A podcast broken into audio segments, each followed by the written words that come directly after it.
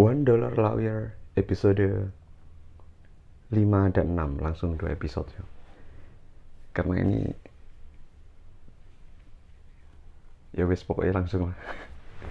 5 dan 6 jadi yang terakhir itu kan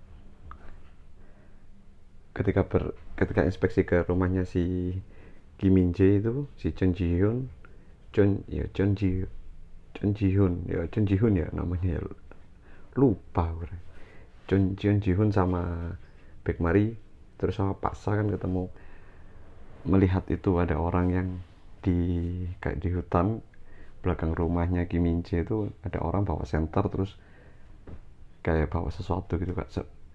Kelihatannya seperti senjata tajam. Ternyata begitu di datangi sama si Chun Ji Hyun itu bukan ayahnya Kim Min Jae. Ternyata itu adalah sebentar ya aku nemu nam namanya.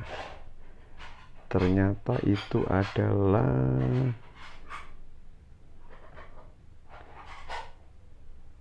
Kim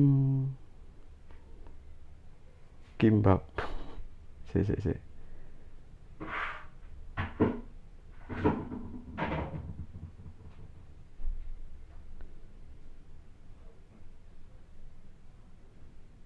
siapa ya Kim Kim Men Hyuk. Kim Men Hyuk dah. Pokok namanya itulah si yo.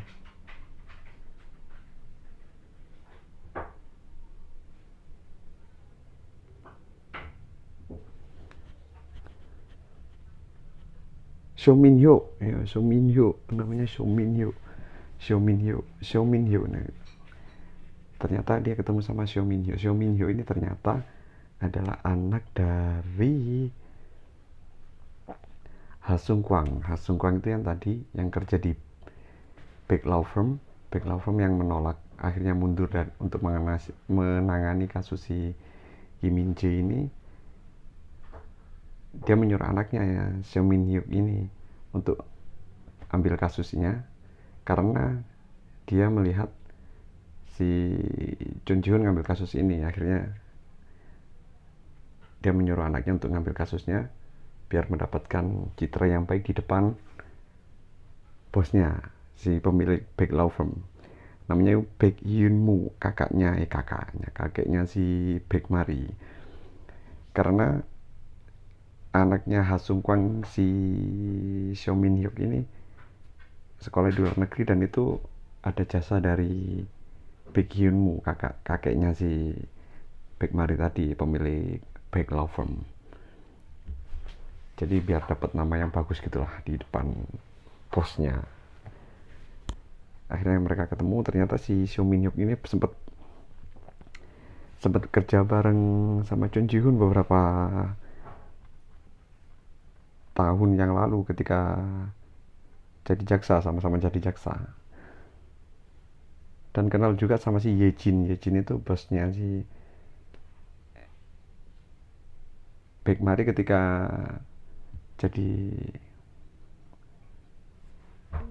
pegawai yudisial percobaan sebelum dia gabung sama Chun Ji Hyun yang jadi si Baek Mari jadi jaksa di kantor. Sebelum Chun Ji Hyun ini kan bosnya kan Ye Jin. Ye Jin itu ternyata juga temennya si Chun Ji Hyun dan So Min Hyuk. Mereka sempat satu satu apa ya, satu kantor gitulah beberapa tahun yang lalu oke setelah tahu Hyuk ternyata ikut menyelidiki kasus mereka akhirnya menyelidiki bersama-sama. Dan setelah itu si Hyuk masih percaya bahwa si Kim Min Jae itu pembunuhnya. Dan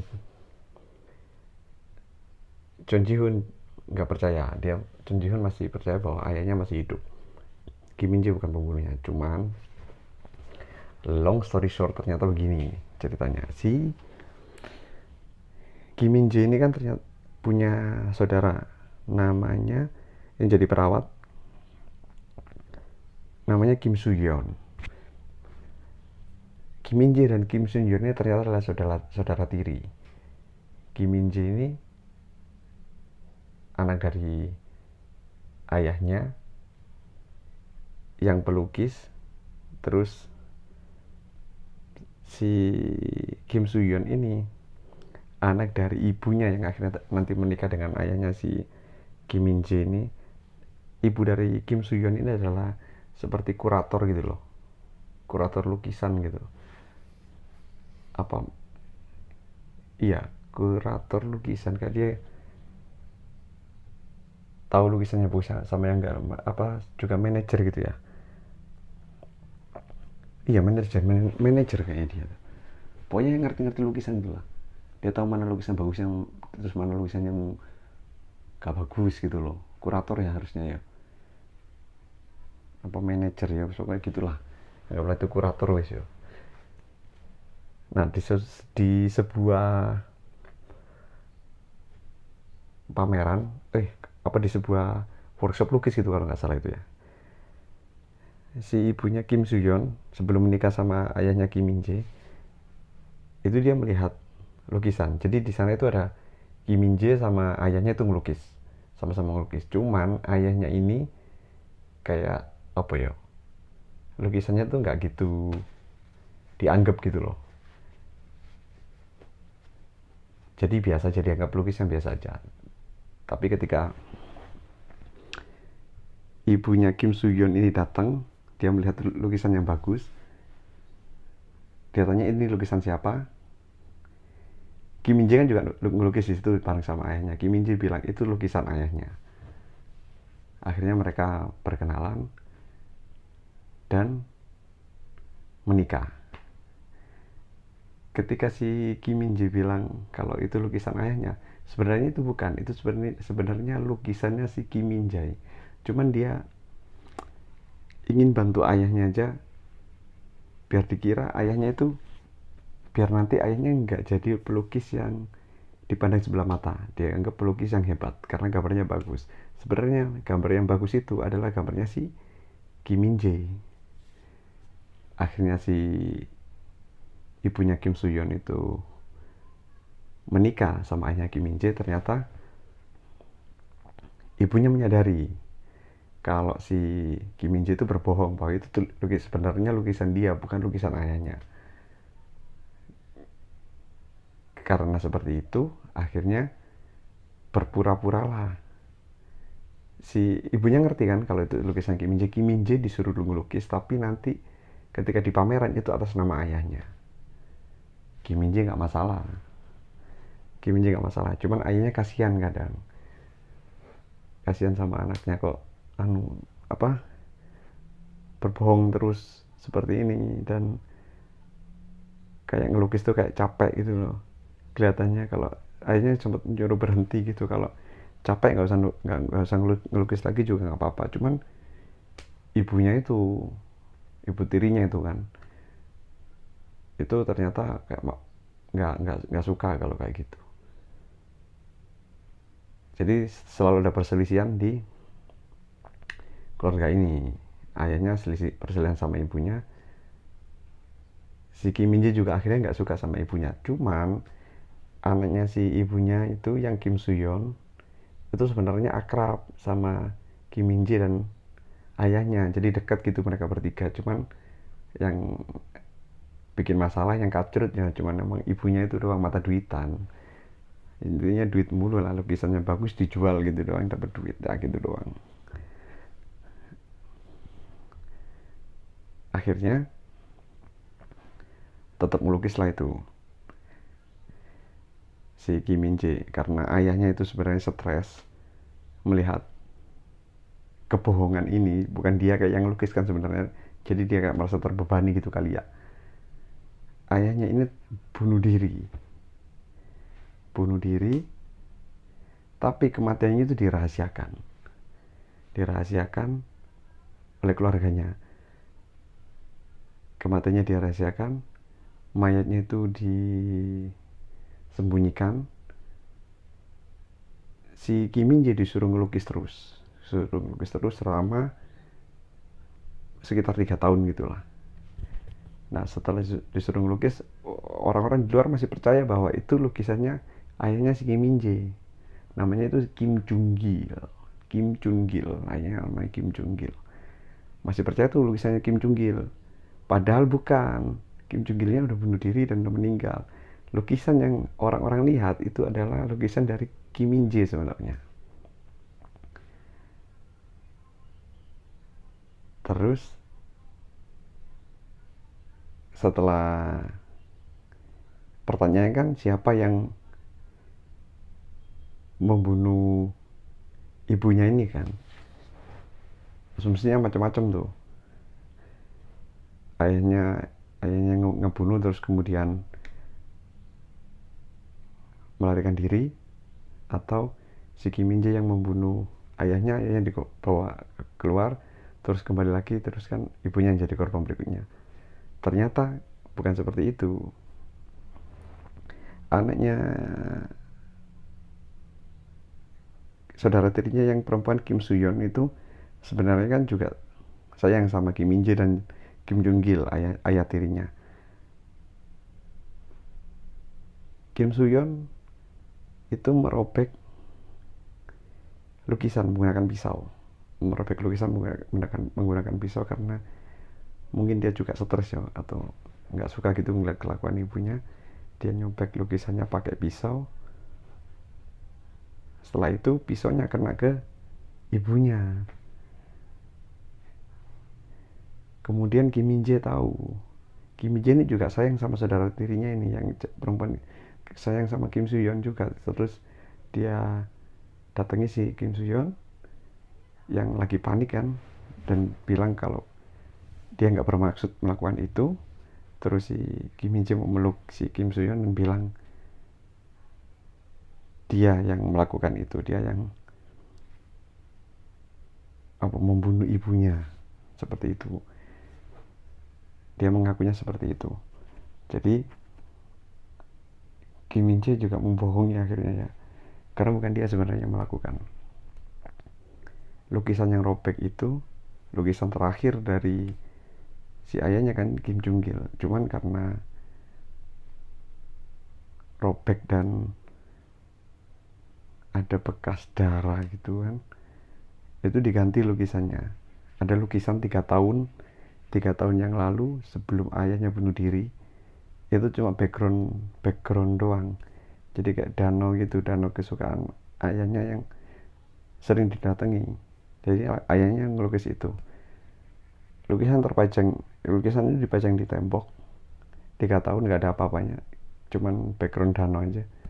Itu diambil sama si Kim Min Jae digambar ditambahin karakter yang biasa dia dia gambar yaitu kayak orang bawa payung gitu loh.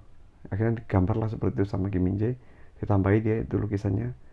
Lukisan ayahnya yang tiga tahun yang lalu sebelum bunuh diri itu. Diambil dia gambar gambar lagi. Tambahin karakter orang bawa payung. Lukisan yang robek itu di dihilangkan. Karena kan udah robek terus kayak ada bekas darah gitu loh. Udah selesai sampai di situ si Chun Jun menyadari itu ketika ketika menyelidiki ke rumahnya kan ngelihat ada kayak bekas di tembok itu loh lukisan yang udah diambil. Lukisan yang udah lama di sana terus diambil. Jadi kan kelihatan ada bekasnya dan itu mencurigakan. Akhirnya Chen Jihun yang menyadari itu ketika lo olah TKP dia datang dia cerita semuanya dia buka semuanya ternyata itu benar Chen Jihun itu benar ternyata bukan Kim Min Jae yang membunuh tapi si Kim Suyon Kim Suyon akhirnya bersedia untuk mengakhiri kebohongan ini dan akhirnya yang ditahan adalah Kim Suyon Kim Min Jae akhirnya bebas dan dia melanjutkan sekolah ke luar negeri kalau nggak salah si Kim Min Jae. Nah selesailah kasus itu. Dan kayaknya sekarang ini udah mulai masuk ke pembahasan itu karakter utamanya si Chen Ji Hoon ini. Baik Mari mulai curiga. John Ji Hoon ini selalu menghindari pemilik pemilik gedung yang dia sewa.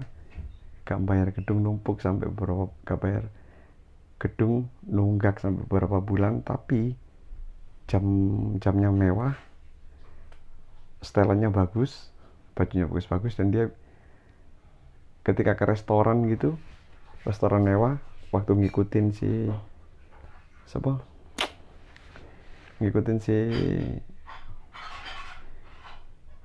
Kim Suyon ketemu sama pembantunya waktu menyelidiki kasusnya Kim Min dia bisa ngerti menu dalam bahasa Prancis itu cukup aneh untuk orang yang nggak mampu bayar sewa kantornya. Dan Kim Kim dan Baek Mari menemukan itu ketika dia beres-beres di kantor. Dia menemukan foto perempuan foto di depan mejanya si Chon Ji Hoon cuman namanya bukan Chon Ji Hoon tapi Lee Ju Yong namanya Lee Ju Yong dia lihat fotonya dan dia ingat ketika di kantornya ayahnya ya ayahnya di kantornya kakeknya si Lee Baek Baek kantor Baek Law Firm kantor kakeknya dia tanya dia lihat foto itu dan dia tanya ke kakeknya ini siapa kakeknya jawab ini adalah pengacara terbaik yang pernah dimiliki oleh Big Law Firm. Si Big Mari cukup kaget. Kenapa foto fotonya Lee Ju Yong ini juga ada di kantornya Chon Ji Hoon? Foto yang sama yang dia lihat di kantornya Big Law Firm. Akhirnya karena penasaran ber, bertemulah dia dengan bosnya sebelum ke sebelum di kantornya Chon Ji Hoon di kantor sebelumnya itu Ye Jin yang juga temennya Ji temennya si Chun Ji Hoon beberapa tahun yang lalu ketemulah dia tanya-tanya penasaran. Akhirnya si Jin mulai cerita tentang Chon Ji Hoon dia cerita uh, beberapa tahun yang lalu si Min Hyuk ini pernah sama Chon Ji Hoon melakukan penggerebekan ke sebuah perusahaan yang diduga presidennya itu terkena kasus. Kasusnya juga belum jelas. Karena dia itu kan ber, presidir per, posisinya cukup presidir ya direktur kalau nggak pokoknya ya pokoknya ya direktur presidir gitulah pokoknya. Jabatan tinggi lah pokoknya. Tangkap ketika di pengadilan si Chon Jun kan bilang kalau kamu nampaknya harus menyewa pengacara yang sangat mahal untuk kasus ini. Akhirnya dia beneran sewa pengacara yang sangat mahal.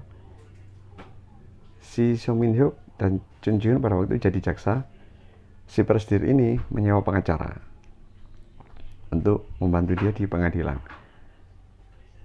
Pengacara yang dia sewa adalah pengacara dari Back Law Firm si Lee Juyang ini. Di situlah Chun Jun pertama kali ketemu dengan Lee Juyang pengacara dari Back Law Firm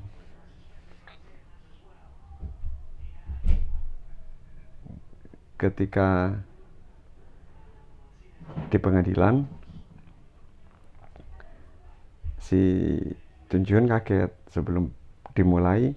Ketika dia ke toilet ada perempuan masuk. Si Lee Ji ini cuman Jun kan belum tahu ketika pengadilannya belum dimulai. Kok masuk ke toilet laki-laki akhirnya ngobrol-ngobrol Lee Ji bilang kalau ya penjahat itu harus dihukum dihukum dengan hukum yang setimpal. Pokoknya istilahnya seperti itulah. Dari hasil obrolan itu terus setelah ngobrol sebentar mereka keluar. Terus setelah beri pengadilan si Chun Ji kaget kok ketemu perempuannya tadi? Ketemu di toilet dia bilang kalau orang yang bersalah itu harus dihukum setimpal. Ternyata dia membela orang orang yang salah itu. Setelah ngomong gitu lah kok ternyata dia membela orang orang yang salah. Presiden itu bermasalah sebenarnya kena kasus. Kasusnya tapi belum jelas. Akhirnya setelah pengadilan pertama selesai keluar dari ruang pengadilan John Jihun tanya ke Lee Yang kamu apakah kamu membohongiku kalau nggak salah seperti itu? Karena ungkapannya kan seorang penjahat harus dihukum tapi dia bela penjahat si Lee, Lee Yang akhirnya Lee Yang ngajak ngopi Jin Chun Jihun Chun Jihun diajaklah ngopi ngopi ngopi di vending mesin gitu. Mereka ngobrol-ngobrol dan akhirnya bertaruh. Kalau seandainya eh kalau bukan kalau seandainya siapa pun yang kalah dalam kasus ini harus mentraktir kopi. Di situlah perkenalan pertama si Lee Jo Yang dengan John Ji Hoon. Kayaknya ini mulai membahas Chon Ji ya. Dan di episode 6 itu ada ada adegan Chon Ji Hoon kayak ke pemakaman gitu loh ke ya. Apa ke kuburan lah ya. Bawa bunga terus ke, ke sebuah makam. Yang kita belum tahu makamnya itu makamnya siapa tebak-tebak buah manggis koyo isi makamnya Li Juyang ya. Li Juyang benar meninggal mungkin ya. Mulai asik gigi bahas masa lalunya sih Chun Ji Hoon. Ya di situlah berakhir episode 6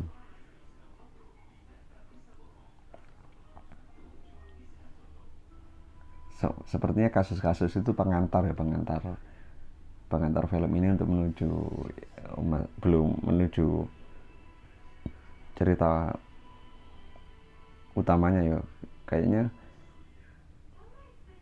jangan-jangan itu akhirnya nanti ku ujung-ujungnya filmnya tentang kenapa kok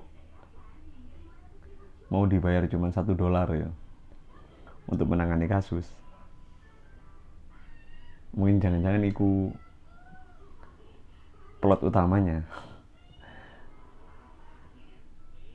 Cuma sejauh ini belum ada iku ya belum ada kasus yang benar-benar besar gitu loh. Takutnya sih itu ya nanti ya. Ini sih cuman film tentang siapa Chun Ji Hoon gitu loh. Dia emang pengacara dan pernah jadi jaksa gitu terus terus apa lagi? Yang menarik mungkin itu kenapa cuman mau dibayar satu dolar itu cukup menarik sih sebenarnya. Kenapa ya? Mungkin akan terjawab ya nanti cuman ini mulai mulai mulai telah mulai mengarah ke sana sepertinya ya. Mulai bahas masalah masalah lalunya si Chon Ji Ho oke segitu saja untuk episode kali ini. Udah berapa menit? Wih 23 menit.